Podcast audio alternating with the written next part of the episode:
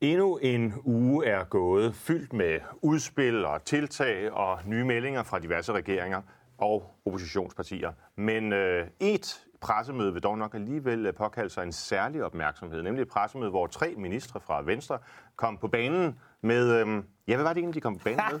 ja, de fleste af politiske kommentatorer har jo karakteriseret det som et ganske bizart pressemøde. Mm. Det skal vi snakke mere om sammen med en del andre temaer, og til det har vi inviteret to gode kollegaer. Christian Rabia Madsen fra Socialdemokratiet, mit parti, velkommen til. Tak for det. Og Christina Elund fra Liberale Alliance, velkommen til dig også. Tak. Og velkommen til seerne her til Før valget med Jørgensen og Messerschmidt.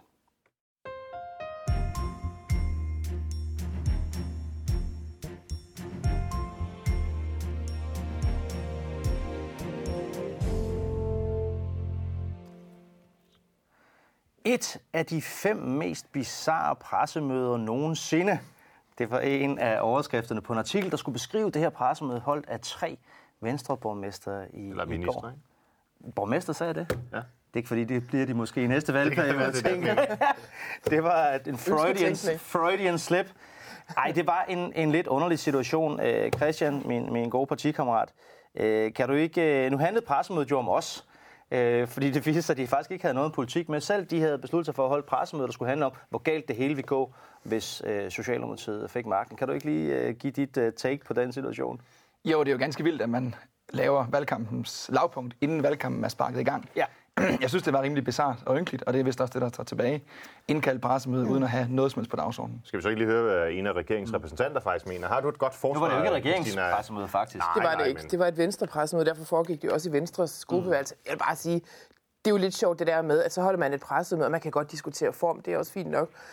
Men at det så kun er formen, man diskuterer, det betyder jo også på, at I faktisk ikke hos jer har særlig meget lyst til at diskutere substansen, og det siger måske også mere om pressemødets relevans, øh, end den der meget løjerlige Okay, debat synes, om form.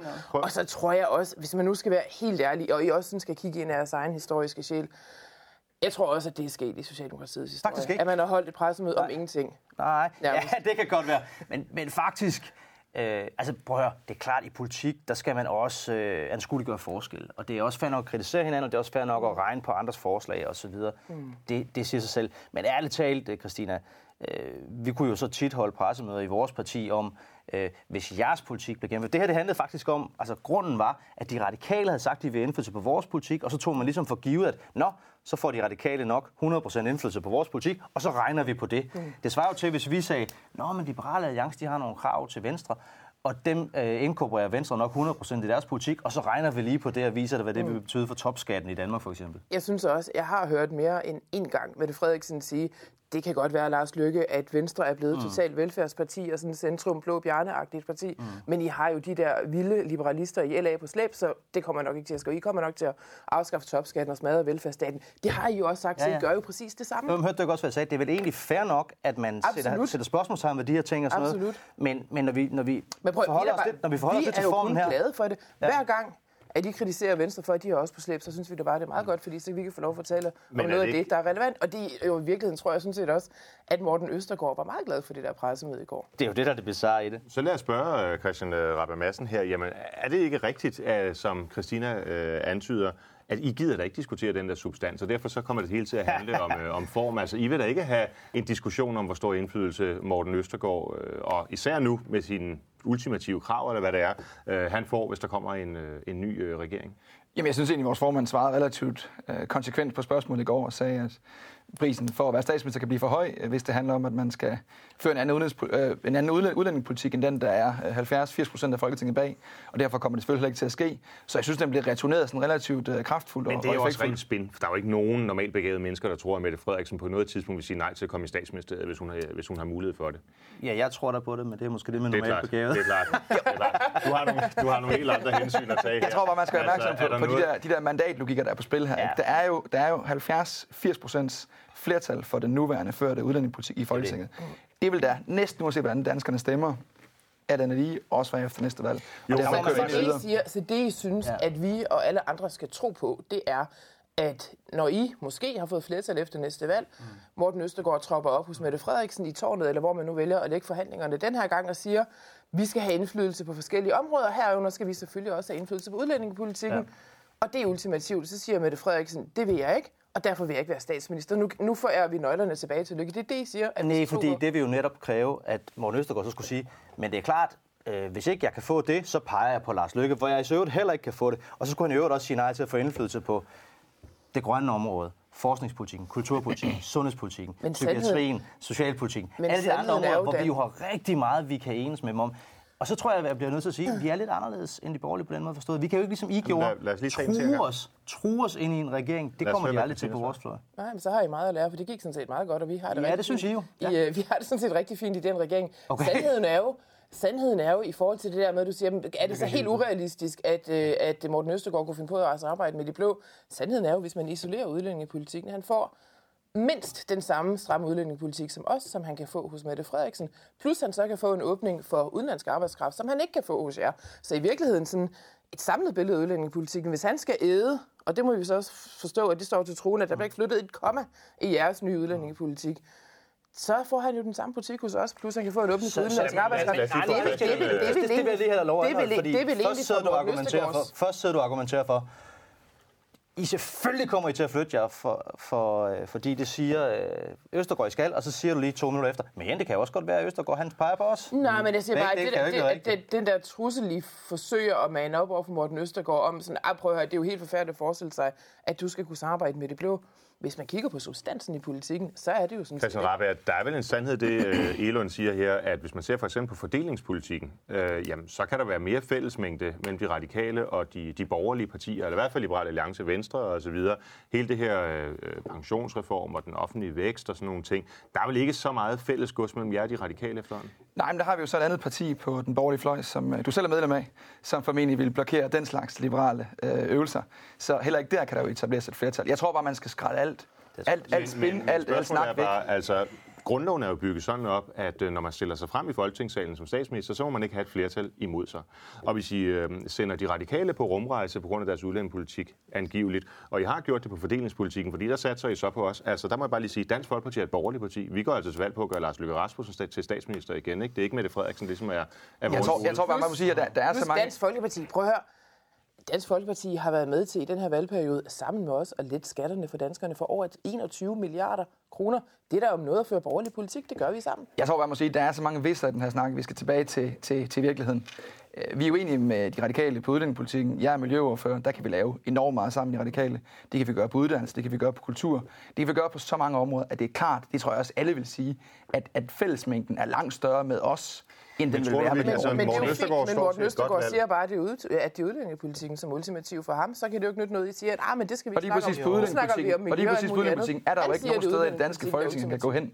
Lige præcis på udenrigspolitikken, er der jo. ikke nogen steder, han kan gå hen i dansk, i dansk folketing. Fordi er flertallet, det flertal, der er i dag, ikke? på det område vil der også være til stede efter valget. Enhedslisten, SF og de radikale er jo relativt enige om at være uenige med jer. Det tror jeg, SF vil være uenige i. Det tror jeg, SF vil være uenige i. Okay, Og, men- men og, det fald- flertal, og det flertal udgør jo, eller de partier udgør jo ikke noget flertal. Nej, hverken men- på den her side eller men, men, det, Men- men, det er jo det er ikke ikke den lige- måde, det fungerer på. Altså, man sidder jo ikke som statsminister og siger, okay, nu fremlægger jeg mine forslag i Folketingssalen, så må vi se, om der er flertal for dem. Man sidder, jo, man sidder jo sammen med dem, der støtter ens regering, og siger, hvad kan vi blive enige om? Hvordan kan vi lave nogle aftaler? Ikke? Det er det sådan set den måde, vi har det- lavet finanslov på, vi har lavet infrastruktur. Måde, I lavede helhedsløsningen, den store plan, altså den store plan, som den her regering har fremlagt. ja, den, ikke? Ja, som den fremlagt. Når man Morten siger lige, den måde, Jamen, man gør det på. sige- lad Jamen, lad, mig nu, lad mig lige tale ud. Mm. Den måde, Morten, han siger, han, Morten, man gør det på, det er, man fremlægger sin politik sammen med dem, der støtter en, og så gennemfører man den.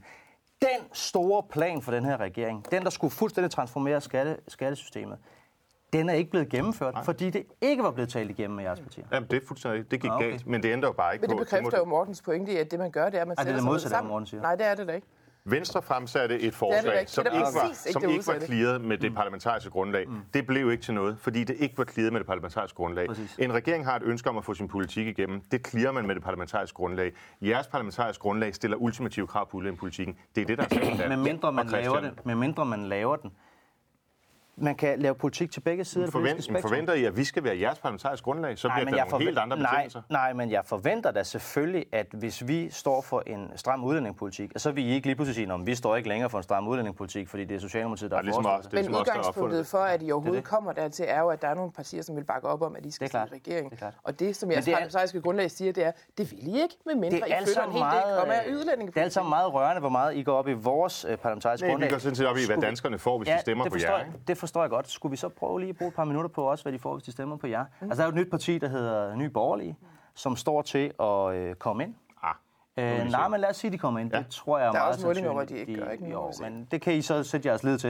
øh, at de ikke gør. Jeg tror, de kommer ind, og hvis de kommer ind, så står I jo nøjagtigt den samme situation, med endda måske en, en lidt mere øh, håndfast type, fordi hun har sagt, jeg betragter ikke mig selv som politiker, så alt det der Christiansborg, det kan I glemme. Hvis ikke jeg får de her ultimative krav opfyldt, så laver vi ikke regering. på Og det er jo det bedste argument for ikke at stemme på Nye Borgerlige, fordi det vil være for jer nøglerne til jer, det radikale Ja, venstre. men nu svarer du ikke på spørgsmålet, tror jeg godt. Jo, det synes jeg da er et meget godt svar. Jeg tror bare egentlig, jeg vil, Bare ikke på jeg et, jeg tror egentlig, jeg vil give et meget ærligt svar. Altså, jeg er medlem af et parti, som har forsøgt som ultimative krav. Det kan jeg ikke anbefale til nogen, fordi Mm. når man først er kravlet op i det der træ, så er der ikke rigtig nogen god vej ned.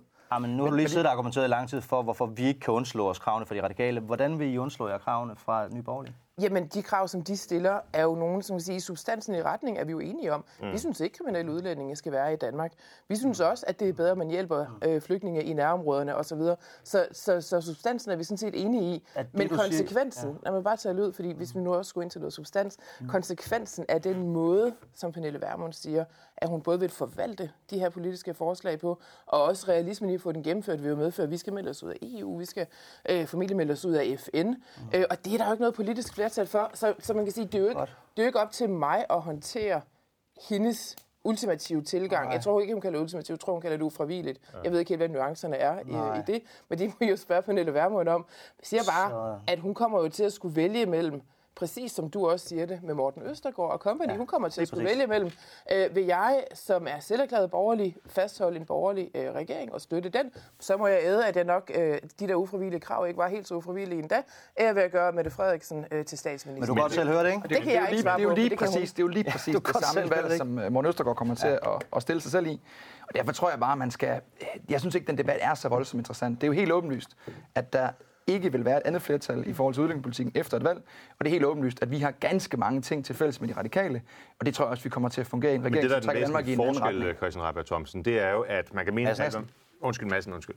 Øh, man kan mene alt muligt om Nye Borgerlige, og det gør vi sikkert øh, alle sammen. Men alt andet lige, hun trækker jo i samme retning, som den, det vores flertal har, har gjort og, og, og ønsker. Altså, vi vil gerne føre en stram udlændingepolitik. Hun siger så, hun vil føre en endnu strammere og sådan nogle ting. Det, der er jeres problem, det er, at jeres parlamentarisk grundlag siger, okay, vi har en regering, der gerne vil føre en stram udlændingepolitik. Vi vil noget helt andet. Vi vil en slap udlændingepolitik, siger Morten Nej. Østergaard. Så I er jo en anden situation, Ja. fordi I skal ikke matche en, der vil mere end jer. I skal matche en, der vil noget fuldstændig andet end jer. Jeg tror ikke, det ændrer på den konklusion, at der ikke er noget flertal for en anden udlændingepolitik i Folketinget. Og det tror jeg også, Morten Østergaard kommer til at indse.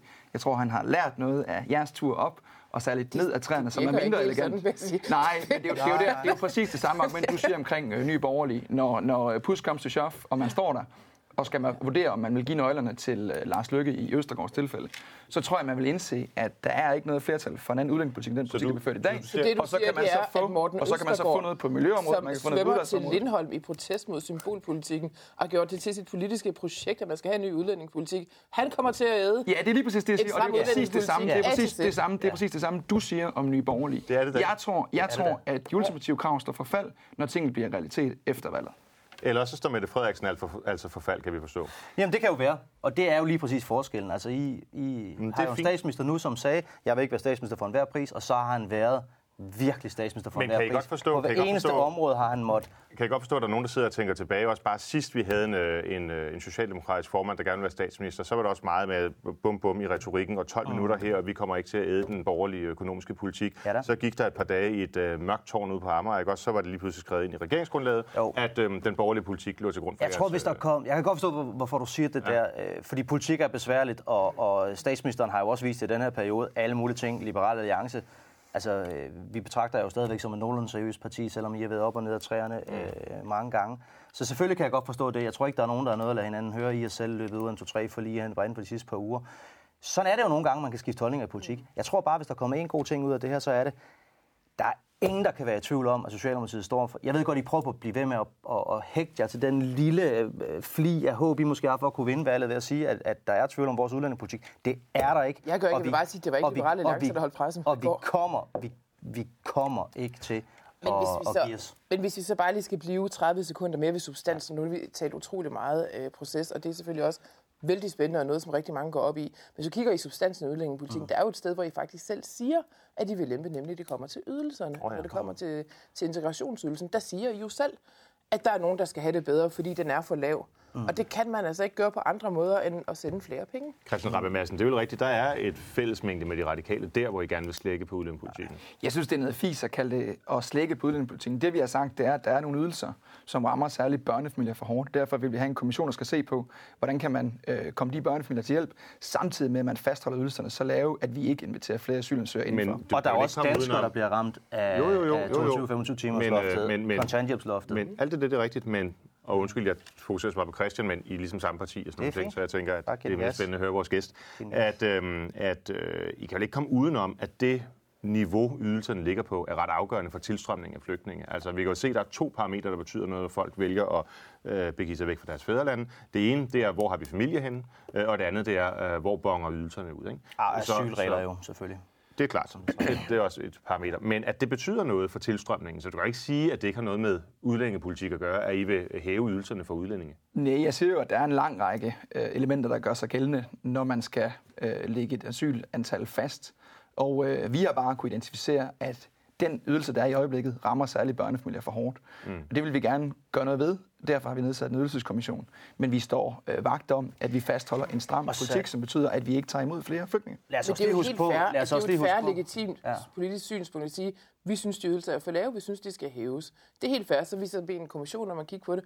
Fred være med det. Det ændrer bare ikke ved, at altså, regnestykket, regnestykket på den holdning er, at ydelserne, også for asylansøgere, som kommer til Danmark, vil blive højere. Og det medfører jo, som Morten rigtigt siger, at så er tiltrækningskraften til Danmark bare det større. Men du og hørte- det er, hørte en, du ikke, hvad vi det sagde? er en slapper Hørte du ikke, hvad vi sagde, at et af kravene til den kommission, det var at finde en model, som ikke øgede tilstrømningen? Præcis. Men skal vi så ikke også lige slå fast, at øh, nu ser det ud som om, eller I vil gerne fremstille det som om, at I sådan ligesom står for den hårde, øh, ud, stramme udlændingepolitik. Altså prøv at høre, vi laver jo politik udenom jer, udenom regeringen, sammen med DF på udlændingeområdet, når det handler om øh, udenlandsk arbejdskraft. Mm. Hvor vi jo er bange for, at øh, det danske arbejdsmarked vil blive overstrømmet med, med mennesker fra øh, Sydøstasien og andre steder, mm. som vil, øh, Nordafrika måske, som vil øh, sænke øh, niveauet af lønninger på en måde, som vi ikke vil være med til. Mm. Og det vil I jo gerne af med, ikke? Det vil vi gerne. Det er en meget stor ulykke i den her valgperiode, at I to med hinanden i hånden effektivt har blokeret Det er et krav for, til at vores virksomheder øh, kan rekruttere den arbejdskraft, som de har behov for. Jeg synes, at der er behov for nuancer i udlændingepolitikken i forhold til, når det kommer til asyl, når det kommer til flygtningestrømme, så, skal, så er jeg fuldstændig på mål for en så stram linje, som vi fører, øh, har ført i den her valgperiode, som vi virkelig har fået sat styr på tilstrømningen til Danmark. Der skal så også være den nuance, at vi er et land, som er i stand til at skelne mellem en asylansøger og en ingeniør, murer, hvad ved jeg, fra Brasilien, som kommer hertil på ordentlige vilkår og gerne vil tage et arbejde. Den nuance, synes jeg, at I mangler. Hvorfor er det ikke godt nok? Vi har et, øh, et arbejdsmarked i EU, hvor der, hvor der lever en, en halv milliard mennesker. Ja. Hvorfor er det ikke godt nok bare at rekruttere der? Hvorfor skal det være fra Brasilien og Indien og Australien og hvad ved jeg? Men det ene udelukker vel ikke det andet. Jamen nu Man har vi sådan sige- set adgang til jo, jo, og milliard det, der. og det har vi haft rigtig, rigtig længe. Det har vi haft i mange år. Der er bare noget, der tyder på, det er jo sådan set helt evident, at det løser ikke problemet. Det løser ikke rekrutteringsproblemet.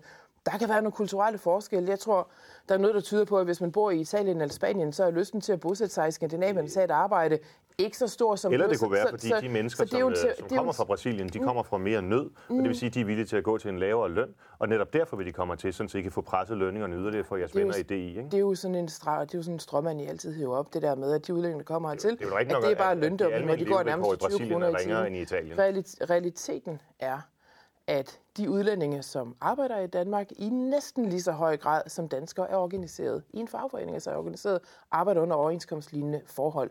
Og jeg har ikke noget problem, prøv at, jeg har ikke noget problem med, at man, hvis man bor i Brasilien, som jo evident er et fattigere land end ja. både Italien og Spanien og Portugal, søger lykken i Europa Men til du et, kan bedre ikke- liv, bare til et bedre liv, end det, man kan leve på gaden i Rio de Janeiro. jeg det synes synes jeg ikke- ikke er noget problem. Nå, men men selvfølgelig, du men kan ikke selvfølgelig, nej, men lad mig lige tale ud, men selvfølgelig skal det foregå på ordentlige vilkår, og Du det kan, gør ikke, det du også. kan jo ikke sige, at i dag kan vi se, at organisationsgraden og så videre er, er så og så høj for udlændinge, der kommer hertil, så der vil ikke være noget problem. Fordi det vil netop være nogle andre udlændinge, der kommer hertil, hvis I fik jeres vilje. Folk, som vil være langt mere ligeglade med at melde sig ind i en fagforening, langt mere ligeglade med, om de fik deres rettigheder, mindsteløn og så videre, fordi de kommer fra så ringe vilkår. Gaden i og Indien, Det her tema skal vi faktisk tage en hel øh, session på, øh, nemlig social dumping. Vi glider, øh, glider over i det. Yes. Så efter den her skiller går vi nærmere ned i den problematik.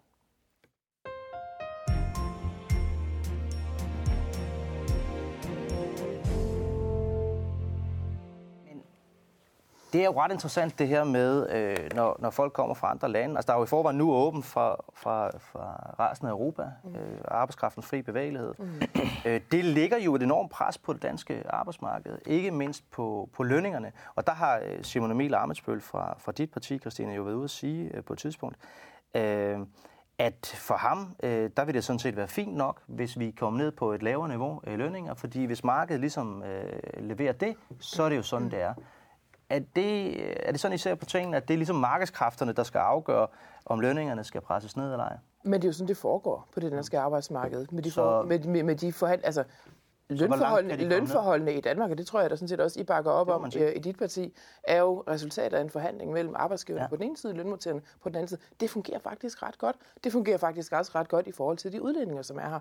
Det, som jeg ikke forstår, det som vi jo havde foreslået helt konkret i den her valgperiode, det er jo at flytte på det, der hedder beløbsordningen, ikke? Mm. hvor det i dag øh, er holdt oppe af, af jer. Øh, det vil sige, at man skal tjene 418.000 kroner ja. om året for at få lov til, som ikke EU-borger, at tage et job i Danmark. Gennemsnitslønnen i Danmark ligger på omkring 325.000. Og vi har foreslået et sted derimellem. Hvad er problemet? Det er så, jeg, jeg, jeg reddet mig selv i håret mange gange i den her valgperiode.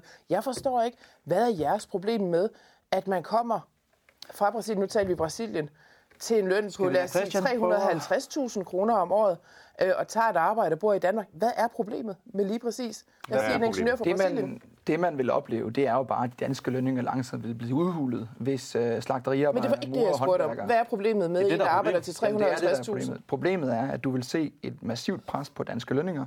Det, I foreslog, det var at sænke beløbsgrænsen, sådan så ikke ingeniører vil komme under pres med slagterimedarbejdere, murer og andre. I har meget bare- lille vi synes tiltro bare- til jeres venner i fagbevægelsen. Vi synes, jamen, prøv at høre, prøv at høre. Hvis, man tager, hvis man tager så store kontingenter af arbejdere ind fra andre lande, mm. så vil man jo også sætte massivt pres på den danske øh, model, fordi man vil få en stor gruppe, som ikke vil være organiseret i samme grad, fordi de ikke har nogen interesse i det, for de er jo netop interesseret i at tage, lønnen, tage arbejde til en lavere løn. Så hvis man kommer punkt fra Brasilien, er man indstillet på at have et dårligere liv, end hvis man er født i Vejle? øh, det er jo helt åbenlyst, at hvis man kommer fra Brasilien, så vil man være villig til at tage øh, arbejde til en lavere løn. Det er derfor, man har taget herop. Nej, for hvis du lever i Danmark, så lever du under de øh, op. leveomkostningsvilkår, som vi alle vi andre Altså, vi har. Det koster i, det øhm, samme at handle nede i Føtex, som det gør Men for en brasilianer, som det gør for en fra Jørgen. Grunden til, at de tager herop, det er jo, at øh, de er villige til at arbejde til en Det er lavere løn, at søge et bedre liv, det er helt klart. Derudover så var der også, jeg synes, der er, er en ting mere, øh, fordi det I også åbnede op for, forsøgte at åbne op for, det var jo, at øh, praktikordningerne i landbruget skulle kunne tilgås af ukrainere, øh, selvom de faktisk ikke var under uddannelse tilbage i, i Ukraine. Men det er jo bare,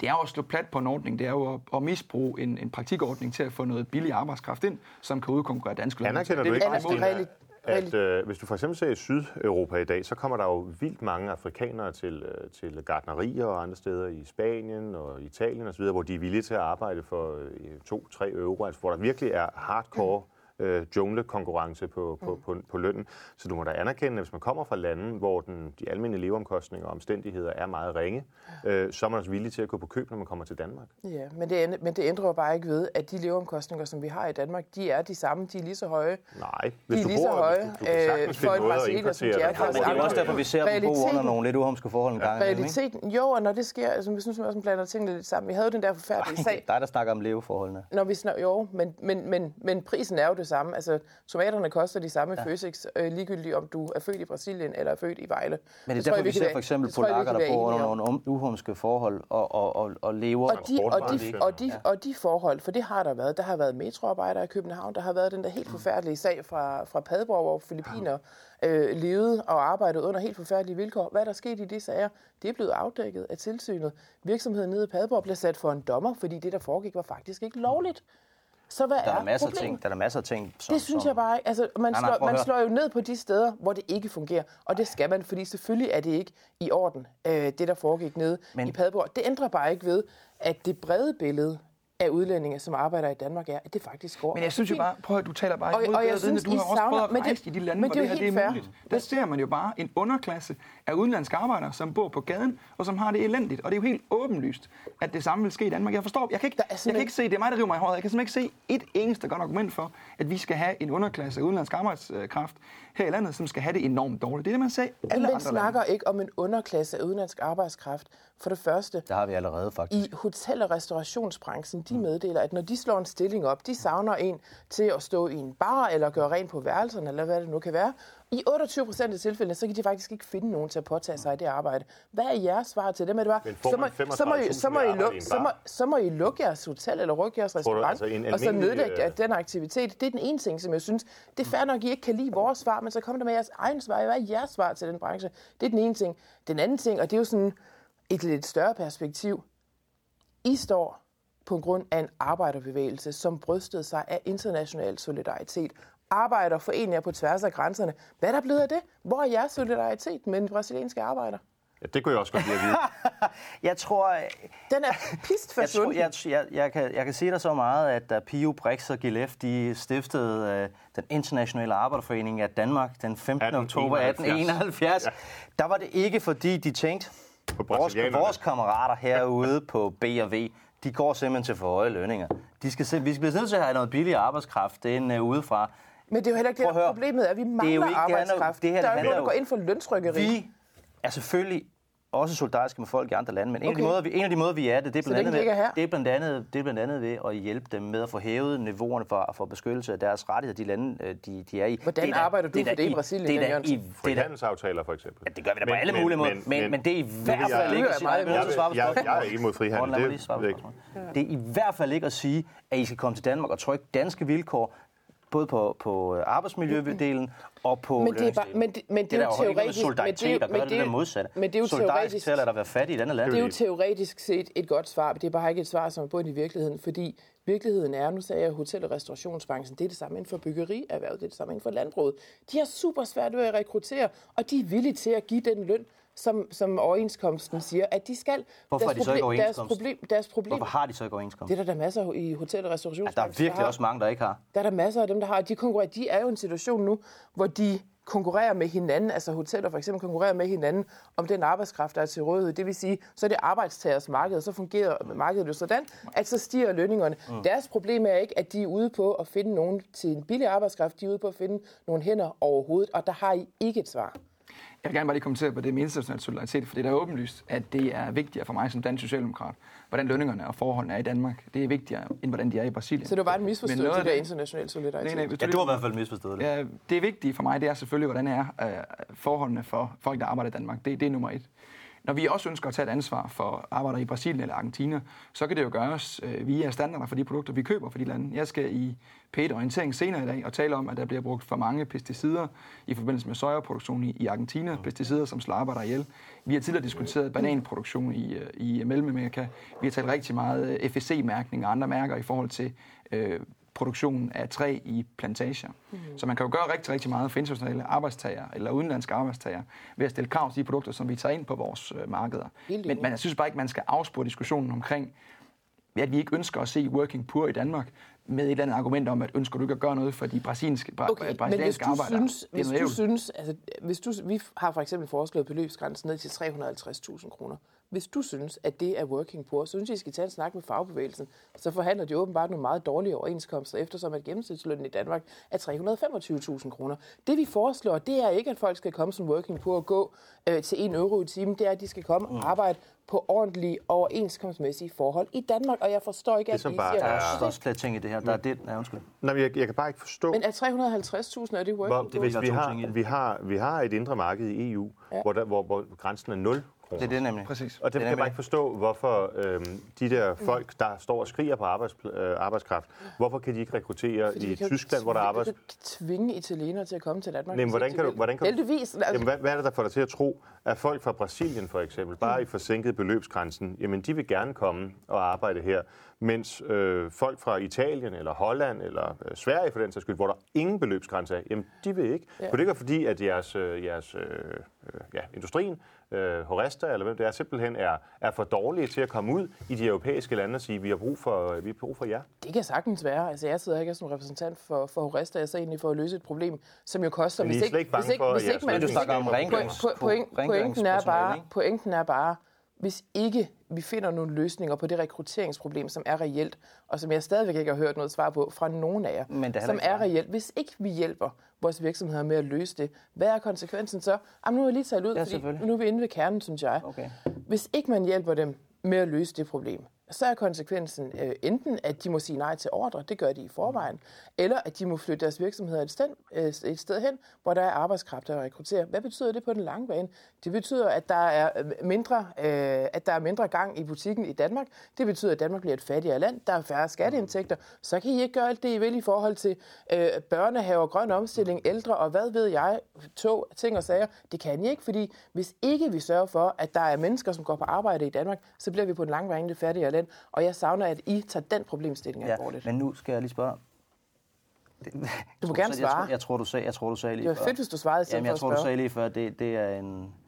Det er, det er en god pointe teoretisk, sådan er det bare ikke i virkeligheden. Mm. Jeg vil også gerne svare på et spørgsmål, men jeg bliver bare nødt til at anholde en præmis, fordi du snakker jo om, at vi skal hjælpe med at, rekruttere i blandt andet restaurationsbranchen og i forhold til rengøringspersonale osv. Og så nævner du, og så nævner, og så nævner du som en løsning mm. den her beløbsordning. Mm. Er beløbsordningen, som henvender sig mod øh, specialiseret, højt specialiseret arbejdskraft, er det derigennem, at du vil finde rengøringspersonale? Jamen, det er det jo blandt andet. Altså, det er jo åbent for, Hvad det er jo åbent- tjener en rengørings- Det er jo åbent for, hvad tjener en- det er jo åbent for arbejdskraft. Tjener en det rengøringsassistent i dag? Det ved jeg ikke noget om. Nej, men det er i hvert fald ikke oppe i de der... 28. Nej, Det men, er i hvert men, men, men, det er jo der jer, der hold, men det er jo jer, der holder beløb. Så, Så du vil have den endnu længere ned? Det ligger, øh, ja, det tror jeg, der er en, det tror jeg, der er den dårligst bevarede nyhed Nå, overhovedet. okay, hvor langt ned? Altså, vi har foreslået ned til 350.000, ja. som stadigvæk ligger over mindstelønnen. Ikke? Men det er vel stadigvæk, altså, det er vel så cirka og I, 28.000 og I siger så, at den skulle være 418.000. Jeg har også hørt nogle af jer sige, at den gerne må være endnu højere. Pointen er, Det er jo ikke vi har, og pointen er, rengøringsdamer, du får for de penge. pointen er, at vi har et dynamisk arbejdsmarked. Jo mere, jo flere arbejdstager, der er at rekruttere af, jo lettere bliver det også at besætte, alle stillinger. Jeg Men det, det, er jo det bare Og, virkelig øvrigt- og, viser og, så har du andet, Christina stadig, og så har du stadigvæk halv milliard så har, I, halv så har I stadigvæk ikke svaret på, hvordan, hvad er jeres svar Men der, på jo- at der, er jo- der er jo løse to det her. Der massive er jo to grundlæggende svar her. rekrutteringsproblem? Det ene, det ene rekrutteringsproblem, det handler om, at virksomheden skal være bedre til at rekruttere i Europa, hvor der er en kæmpe arbejdsplads, øh, arbejdskraftreserve. Det andet argument handler om, hvad skal Danmark grundlæggende være?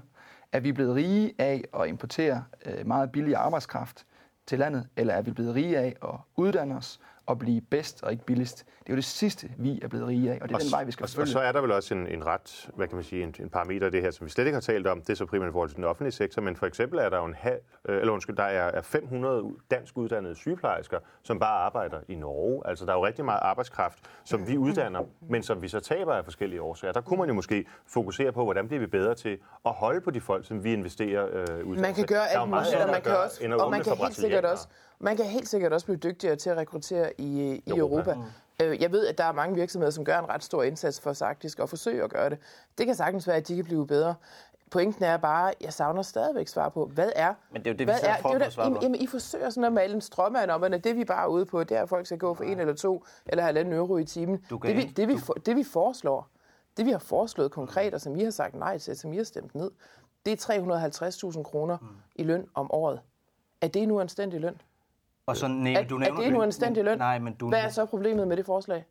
Problemet Er er, du det nu blander- anstændig løn? Det kommer der an på, hvad det er for noget arbejde. du virkelig altså, det, er da, det, er da, det er da en meget høj, tror jeg nok, øh, løn øh, hvis du har at gøre med en rengøringsassistent eller en, en øh, tilkaldvagt i en bar, øh, hvad du nævnte jo, øh, som før. jo arbejder deltid, så mange af dem, og- 350.000, og har få timer på forskellige 28 tidspunkter. 28.000 om måneden, så jeg tror, det er lettere for folk at forholde sig til en, Ja, det det for mig, øh, til en, til en månedsløn. Altså, der har vi da, burde vi da have bedre mulighed for at rekruttere øh, i, i Europa, og jeg synes jo ikke rigtigt, Ja. du adresserer det der. Du siger bare, mm. virksomhederne rekrutterer ikke i Europa. Vi har godt nok set, at der er en stor arbejdskraftreserve, men de tager den ikke. Ergo må vi bare gøre markedet endnu større. Mm. Det kunne også være, man skulle sige til virksomhederne, markedet bliver ikke større, så gå ud og find ja. dem i Italien og i Spanien og i Frankrig, og hvor de ellers er. Der er jo enorme ungdomsarbejdsløshed der. Og så en anden ting, Jeg tror jo også, at der er kommet rigtig mange øh, fra Spanien, som arbejder faktisk i restaurationsbranchen mm. i København. Tror jeg, man har rekrutteret en hel del af det også. år. Men det kan man Men noget af sagtens. det, man også skal men- gøre, men hvis jeg- du vil høre løsninger, nu har du spurgt mange gange, og så Ja. afbryder du så, når vi prøver på at give dem, men altså, en af de ting, vi skal gøre, det er også at være meget bedre til at omskole og opkvalificere folk. Altså nu er det så lidt svært at finde ud af, om når I siger højt kvalificeret arbejdskraft, om det så i virkeligheden er rengøringspersonale, taler om, eller hvad det er, men, men så lad os sige, at det faktisk er højt kvalificeret øh, arbejdskraft. Altså stillinger, hvor man siger, her er simpelthen ikke folk med kvalifikationerne i Danmark, eller måske endda i Europa. Skulle vi så ikke tage nogle af de øh, mange mennesker i Danmark, som jo rent faktisk har både øh, viljen til det og evnen til det, men som mangler uddannelsen. Mm. Så sidder I og nikker begge to, så er det bare, jeg spørger, hvorfor er det så, at regeringen har skåret næsten en milliard på præcis det område, mm. altså opkvalificeringen og videreuddannelsen? Men det skal man, men det ene udelukker jo ikke. Det andet, pointen er jo bare, selvom man lykkes med at komme i mål med at opkvalificere alle, som måtte have lyst til det, alle, hvor der er et potentiale til at løfte sig mm. til et mere specialiseret job, sætter man noget i mål med det. Og det kan man godt diskutere, om man har gjort godt nok. Det synes jeg sådan set er en færre diskussion. Selvom man noget i mål med det, så er vi bare ikke i nærheden til at adressere det rekrutteringsproblem, som virksomhederne har. Men så jeg, altså, var- jeg køber sådan set, jeg køber sådan set den del af jeres svar. Helt fint, det kan man sagtens.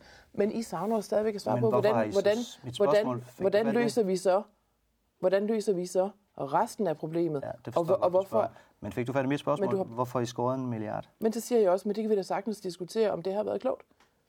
Okay, det var Er det, er det, er det omprioriteringsbidrag, vi taler om her, men, eller hvad er men, det? men, du Det- svarer, men du svarer jo stadigvæk Fordi- ikke på, et, hvad er Jo. problemet med en løn til 350.000? Hvad er det konkrete problem øh, med det? To, mm. selvom man når i mål med det, du adresserer i forhold til opkvalificering, fordi du synes, det sådan set er relevant. Mm. Selvom man når i mål med det, så er vi bare ikke i nærheden af at adressere den enorme mangel på Det kan vi godt svare arbejdskraft, Øh, der er. Og hvad er Det har vi sådan set også uh, svaret på. Vi kan godt, uh, vi kan godt gøre det igen.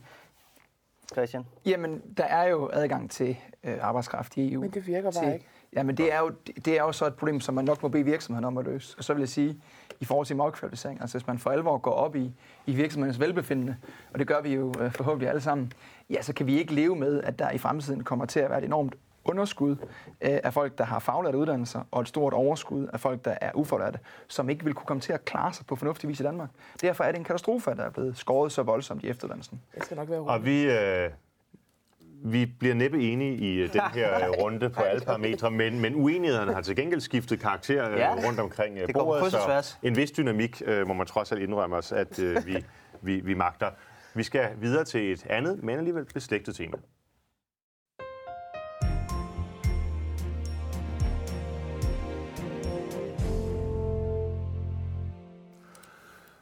For som det allerede vil være seerne bekendt, ja, så er der rigtig meget af det, vi taler om her, der har at gøre med den europæiske union, øh, med EU. Og meget tyder på, nu har vi slet ikke fået talt om, hvornår valget kommer, men noget tyder på i hvert fald, at det er et realistisk scenarie, at øh, folketingsvalget kommer samtidig med Europaparlamentsvalget. Og derfor vil det være oplagt lige at tage en, øh, en snak om, hvad betyder det egentlig? Ikke så meget selve valget, men hvad betyder samspillet mellem EU og, og Danmark i relation til arbejdsmarkedet og den slags? Jeg sidder jo stadigvæk i Europaparlamentet. Du har også en øh, fortid i den, øh, i den branche. må man sige. Øhm, og øh, derfor er det oplagt at spørge øh, Christina Elund her, fordi I har jo ikke siddet i Europaparlamentet før i hvert fald. Nu har I så en... Øh, Nu har vi opstillet en kandidat, der faktisk kan blive valgt, ikke i forhold, altså i modsætning jo, til er, sidste hun, gang. er hun så kulturminister fra 12 til 12 og kandidat fra 12 til 12, eller hvordan fungerer det? Det Hun er jo- det jo kvinde, Mette hun Bock, kan øh, sagtens uh, multitaske, både være det ene og det andet. Jeg kan sige for mit eget vedkommende, når jeg i øjeblikket får mails fra Kulturministeriet om at skulle støtte et eller andet i Europaparlamentet, så er det jo fuldstændig uklart for mig, om jeg ufrivilligt tager del i den liberale alliances kampagne her. Så det synes jeg, der skal Det synes jeg bare, du skal gøre. Det vil da klæde dig. Ja, det ved jeg ikke, om jeg er helt enig i. Nej, okay.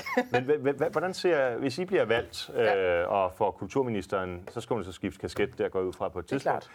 Øhm, øh, Det bliver usædvanligt med en minister i parlamentet. ja, men øh, og, for, og for så vidt også øh, i strid med reglerne. Så vi antager, at hun bliver parlamentariker. Mm. Hvad gruppe skal hun sidde i, og hvordan tænker I øh, sådan det europæiske samarbejde?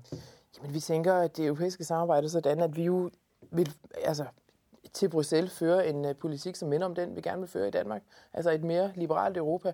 Jeg synes, at vi i alt for mange år har gjort det europapolitiske op på en helt forkert skala. Det har været den der fra øh, modstander til kritisk til skeptisk til øh, alt er super fedt, og vi elsker det hele. Ikke? Mm. Altså sådan en øh, Morten Messersmith, så blev en lille smule overhalet af Pernille Vermund nu, og så til sådan en Morten Lykkegaard. Men sådan er det jo ikke i Europaparlamentet. Det, det, det er jo kun skala, fordi journalisterne ikke fatter det. Det er jo en mærkelig måde at tænke politik på, fordi det er jo ikke sådan, at hvis man nu, Gud forbyde, det måtte få en socialdemokratisk regering øh, efter næste valg, mm. øh, at så vil jeg jo formentlig være modstander af det meste af den politik, der bliver ført, men det vil jo gøre ikke, at jeg lige pludselig melder mig som øh, Danmarks skeptisk men, eller skeptisk men, over for men, Folketinget. Men, Bare lige for at sige det, og derfor, og, derfor, og derfor tror jeg, at derfor at det, jeg siger, at den politik, som vi går til valg på, handler om et mere liberalt Europa. Så hvor vi sidder i Europa, I vil ikke sidde blandt de røde partier, går jeg fra. Socialisterne kommer ikke lige til at være jeres bedste venner. Ja. Er det så øh, sammen med Venstre i øh, ALDE-gruppen og de radikale der, eller er det i ECR-gruppen, mm. hvor vi sidder i dag, eller hvordan? EPP måske, ja, hvor, hvor I sidder Benson? i dag, og så nu er vi så byttet ud til fordel for en ny gruppe. Ja, vi ser jo, hvordan øh, tingene udvikler sig ja, efter præcis. valget. Og det er jo i virkelig, ja, præcis, og det er jo i virkeligheden også det svar,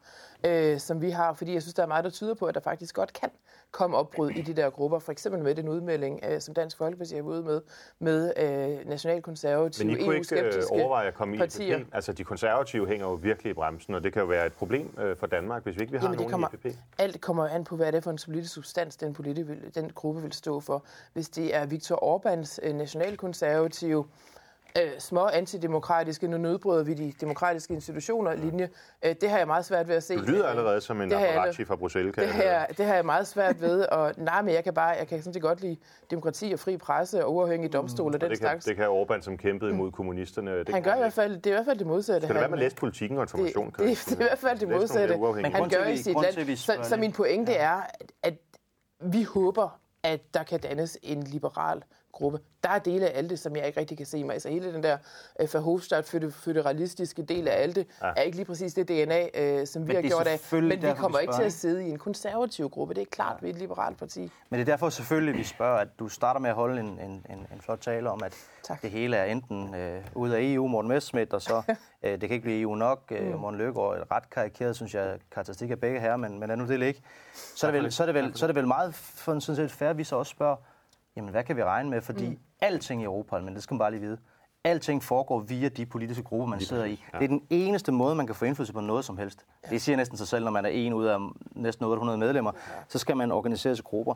Og lige nu, der står der altså til, at I enten kommer med i en stok konservativ gruppe, det siger du så, det bliver nok, kan nok ikke sige det selv i, Nå, men okay, så bliver det en liberal gruppe, hvor det jo er ultraføderalisterne. Mm. Altså dem, som får Morten Lykkegaard til at, at, at, at ligne enhedslisten. De er mm. virkelig føderalister. Mm. De kan ikke få afskaffet nationalstaterne hurtigt nok. Mm.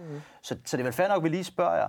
Undskyld, der hvor al jeres øh, indflydelse skal kanaliseres igennem, det er en gruppe, som mener det modsatte af jer selv ikke som mener det modsatte af os selv. Det synes jeg er at, at overdrive. Okay, så der er også lidt federalister der? Og hvis der, var, og hvis der var... Nej, det er der, nej, det er der bestemt ikke. Så er det øh, modsatte. Det er der, nu må vi lige lade Christina svare. Ja, undskyld mig. Det er der bestemt ikke. Jeg tror også, at der sidder øh, medlemmer af den socialdemokratiske gruppe, som gerne vil et mere integreret Europa, end Helt sikkert. som Mette Frederiksen har sagt, som jo siger, hun vil et opgør med arbejdskraftens fri bevægelighed. Det synes jeg sådan set også er, er ret vildt, at hun siger, prøv at høre, hvis der var en liberal alliancegruppe i Europaparlamentet, så sad vi der. Det findes der ikke, og derfor må vi nu et eller andet sted lede efter det bedste kompromis. Men I har ikke nogen og det, jeg bare føler siger, ude endnu? Det jeg bare siger, det er, at vi kommer ikke til at sidde i en nationalkonservativ gruppe. Vi vil gerne lede efter liberale meningsfælder i Europa, og dem er der, selvom de jo specielt i de sydeuropæiske lande har øh, har lidt trange kår. Ikke? Øh, det har de både i Frankrig og Italien og Spanien. Der, Men hvad med Macron der, for eksempel? Han har jo varslet, at vi laver en øh, ny gruppe og et opbrud osv. Kunne ja, det, jeg synes, for at være helt ærlig, det er lidt svært at blive klog på præcis, hvad er det, der foregår mellem Alte og La République en Marche. Ja. Øh, jeg synes også, der kunne være en anden interessant spiller, som Mark Rytte i, øh, i Holland, som jo også er, er liberal. Han kunne I godt se jer sammen med. Han er jo relativt EU-kritisk. Ja, ja, ja. ja. Nå. Lad os lige høre... Øhm, vi flytter ikke gruppe, Christian. Nej, I, I, rykker ikke, øh, I rykker ikke gruppe, men, øh, men alligevel er der noget, der tyder på, at I rykker politik. Fordi jeg så der her i den forgangne uge, at Mette Frederiksen var ude lige pludselig og ville have et opgør med øh, det indre marked og reglerne for vandrende arbejdstagere. Det var jo en meget ny melding, fordi øh, I har jo stemt ja til alle traktater og alle udvidelser af det indre marked osv. osv. Så hvad, hvad ligger der i det? Det, man skal være opmærksom på, det er jo, at øh, Mette Frederiksen laver en, synes jeg, helt rigtig analyse af nogle af de problemer, som vi har set. Vi talte lige før om Filippinerne i Padborg, som arbejder under nogle rigtig, rigtig dårlige forhold. Det, der var sket der, det er jo, at Filippinerne er kommet ind i Europa øh, og det europæiske arbejdsmarked via en aftale i øh, tidligere Østlande, og man har så fået tilladelse der, og derefter de så fået arbejde videre. i, i, øh, i Danmark under nogle forhold, som vi hverken kan eller skal acceptere. Præcis. Og det er jo lige præcis den problemstilling, som Mette Frederiksen adresserer. Hvordan kan vi gøre noget for at sikre, at vi ikke bare hver eneste gang det problem sker, øh, og oplever det, råber arbejdskraftens fri bevægelighed, det vil vi ikke gøre noget ved. Og det er det, vi skal have. øh, Men hvad er lavet det så, bedre vi skal gøre? Fordi altså, i al øh, ydmyghed har, har mit parti og jeg, øh, i hvert fald de seneste 15 år, hvor jeg har været med, prøvet at gøre opmærksom på problemerne med, med, med, med de her regler. Og vi ikke rigtig kunne finde nogen løsninger sammen med jer i hvert fald. Så hvad er jeres løsning på det? Nå, men skal vi komme jer lidt i møde, så det være, at vi skulle have lyttet til jer øh, lidt mere opmærksom tidligere i forhold til den problemstilling. Det jeg sådan set være åben over for. Og jeg har ikke alle løsninger i dag. Det jeg bare øh, siger, det er, at man kan identificere et problem, som kan være med til at underminere øh, forholdene på dansk arbejdsmarked, øh, som vi diskuterede tidligere, og også komme ud i nogle situationer, hvor man bare må sige, det her er for meget. Vi vil ikke acceptere, at der på dansk jord er, og man ser dem, når man kører på motorvejen, øh, lastbilchauffører, som lever under kummerlige forhold, som skal Så er det, have i en en, pose. er det her en ny kovending? Altså ligesom vi har set Nej. de seneste år på udlændingepolitikken, Jeg øh, at I øh, skifter kurs? Nej, nej, nej, nej, nej. Men er er I, er også. I imod arbejdskraftens fri bevægelighed? Nej, men man- skal man ikke lige holde fast i, at Socialdemokratiet synes, at det altid har været øh, meget optaget af, hvordan arbejdstagere i hele verden har det. Mm. Og det man kan se her, det er, at der er arbejdstagere, der kommer ind fra Filippinerne og andre steder, og har det elendigt. Og det er det problem, vi peger på. Det er det problem, vi Og de løse. bruger, skal vi lige sige til seerne, det man gør, man kommer ind i et land, hvor det er relativt let at komme ind, så får man lovlig ophold, og efter EU-reglerne har man så lovlig ophold i hele EU, Præcis. hvis man har de i et land. Ja. Og det er der, vi jo har problemet med. Det Jo, jo, kræver et opbrud med hele Jeg EU's tror vel også godt, fundament. du vil, du vil anerkende, at øh, i de forgangne snart 15 år i Europaparlamentet har vi jo haft øh, Ola Christensen siddende i Absolut. arbejdsmarkedsudvalget og, og, og virkelig kæmpet den her kamp, og også kommet med ret øh, sådan, ja, meget konkrete og bestandte forslag, hvor i nogle af dem faktisk er blevet godkendt senest på, på Ja. kapitagekørsel, som er den her del af det, der handler om, om chaufførerne. Ja. Men Morten, vi skal også lige nå at vende øh, dit parti. Ja, Fordi jeg så det jo synes jeg, her det- for nylig, at øh, jeg betragter jo også dig som sådan lidt en yderliggående type nogle gange, men dog alligevel vil jeg sige, at du jo for mig at se er meget mere fornuftig end sådan nogle øh, personager som øh, Jean-Marie Le Pen og Han andre. er, hvis, hvis han ikke er gået bort øh, rent fysisk, så tror jeg, han er det. Han var, han var der stadig medlem. Han var stadig, Ja, ja, det er jeg så rigtigt. ham nogle gange i kantinen, da jeg var medlem for ikke så mange år Ja, siden. men det er rigtigt. Det er Nå, men hans datter Det er i hvert fald. datteren, Hans ja. Han er datter, sat i skammekrog af sin datter, ikke? Så Ja. ret jo, det er det.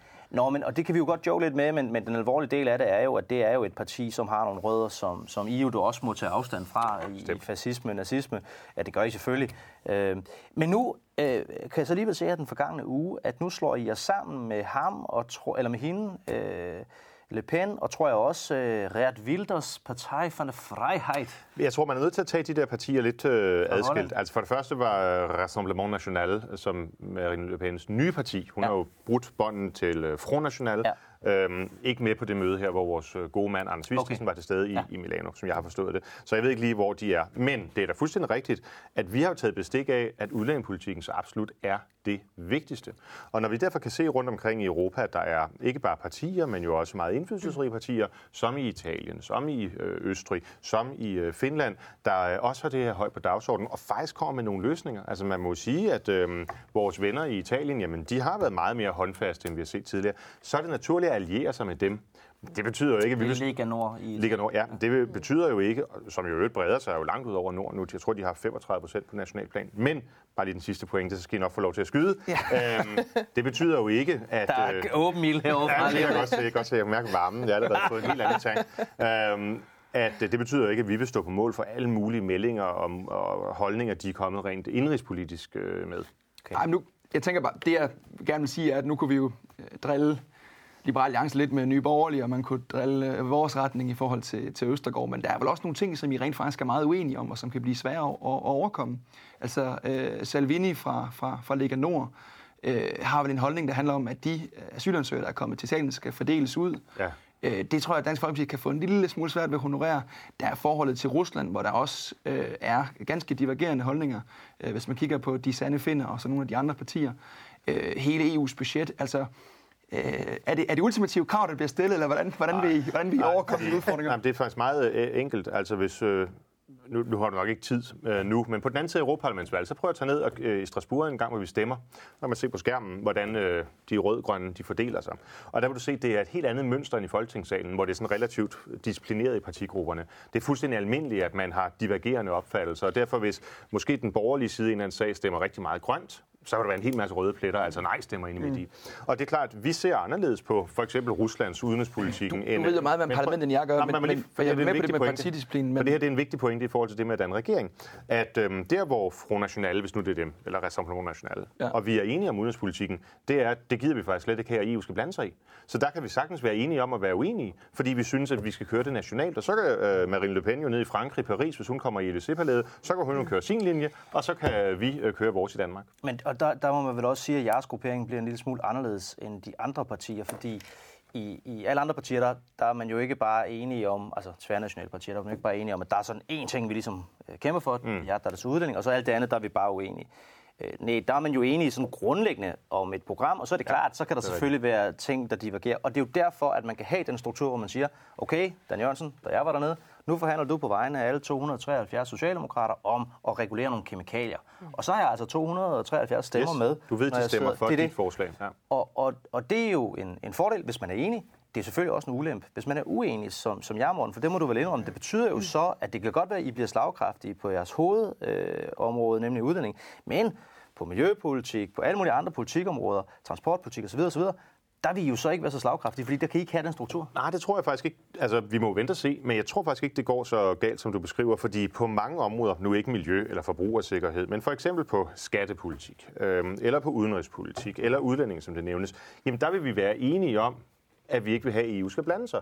Vi vil være enige om, og så gøre noget forskelligt i medlemslandene. Så derfor vil Anders, eller Peter Kofod, eller hvem vi vil jo sagtens kunne sidde og forhandle for eksempel, skal vi sige, selskabsskattepolitik.